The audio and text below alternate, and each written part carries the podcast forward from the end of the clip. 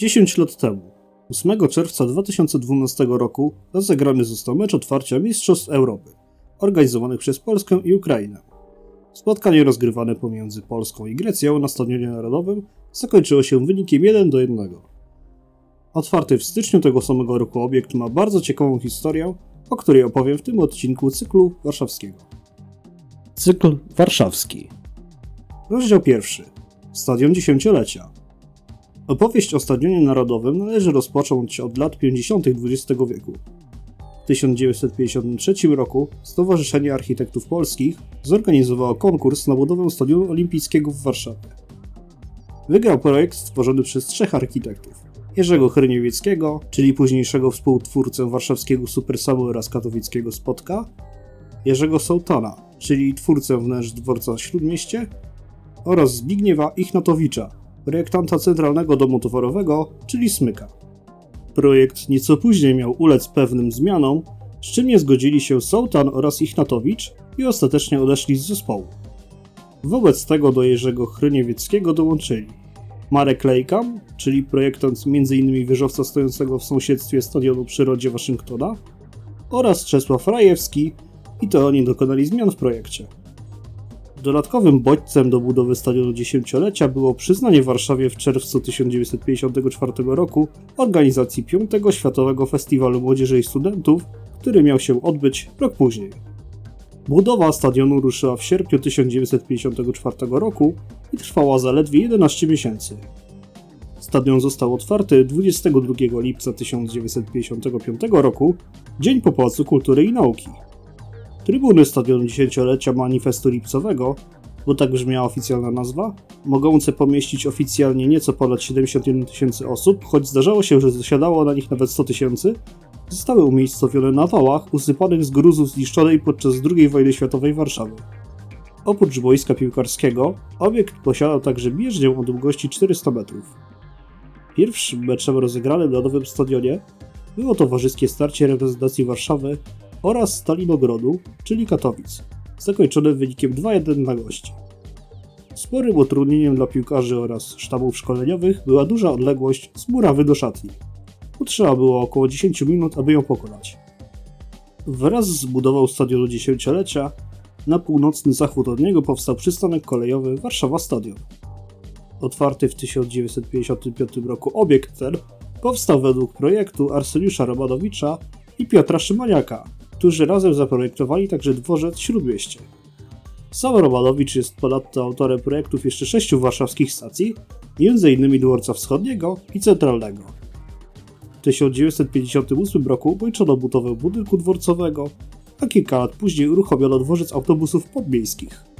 Oprócz wydarzeń sportowych, takich jak mecze reprezentacji Polski, mecze ligowe oraz pucharowe warszawskich klubów, turnieje lekkoatletyczne czy wyścigi pokoju, na stadionie dziesięciolecia odbywały się też uroczystości o charakterze państwowym. Podczas jednej z takich uroczystości, 8 września 1968 roku, miało miejsce tragiczne wydarzenie. Ryszard Siwiec, żołnierz Armii Krajowej na oczach władzy państwowej, dokonał samospalenia w ramach protestu przeciwko wkroczeniu wojsk Układu Warszawskiego do Czechosłowacji. Gdy płonął, głośno krzyczał: Protestuję! Zanim dokonał swojego czynu, zdążył też rozrzucić ulotki protestacyjne. Zmarł cztery dni później wskutek odniesionych obrażeń. O Siwcu zrobiło się głośno w Europie. Powstały o nim książki i filmy. W 2011 roku stał się patronem ulicy biegnącej między linią kolejową a Stadionem Narodowym. Rok później odsłonięto tu poświęconemu obelisk. 17 kwietnia 1983 roku reprezentacja Polski rozegrała ostatni mecz na stadionie dziesięciolecia. Spotkanie zakończyło się wynikiem 1 do 1, przeciwnikiem była Finlandia. Reprezentacja od tego czasu najczęściej grała mecze w Chorzowie, na stadionie śląskim, który w 1993 roku zyskał status narodowego. 17 czerwca 1983 roku, podczas swojej drugiej pielgrzymki do Polski, papież Jan Paweł II odprawił mszę na stadionie dziesięciolecia. Od tego czasu stadion dziesięciolecia gościł jeszcze kilka wydarzeń, takich jak wystawa psów rasowych, kongres świadków Jehowy czy koncert Stevie'ego Wondera. Z każdym rokiem jednak coraz bardziej niższał. Rozdział drugi. Jarmark Europa. Rok 1989 to czas wielkich zmian, nie tylko dla Polski, ale również dla stadionu dziesięciolecia. Obieg został wydzierżawiony firmie Damis, która urządziła tutaj jarmark Europa. Ogromny bazar, jeden z największych w Europie, o ile nie największy.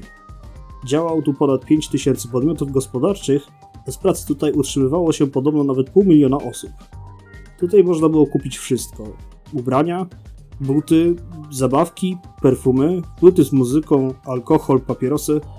Artykuły te pochodziły jednak najczęściej z nie do końca legalnych źródeł.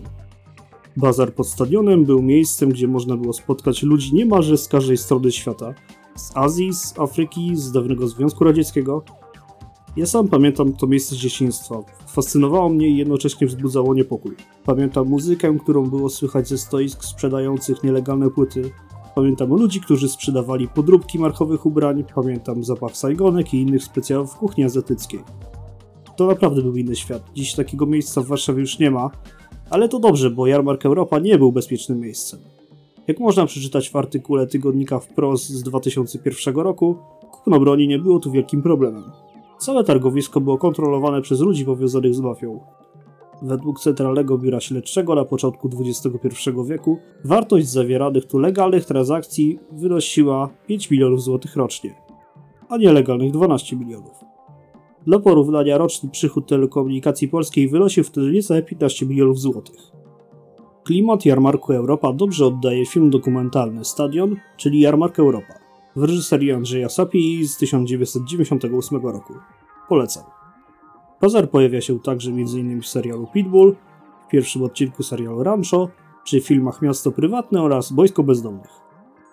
Końcem bazaru w tym miejscu był 2007 rok, kiedy to przyznano Polsce i Ukrainie organizację Euro 2012.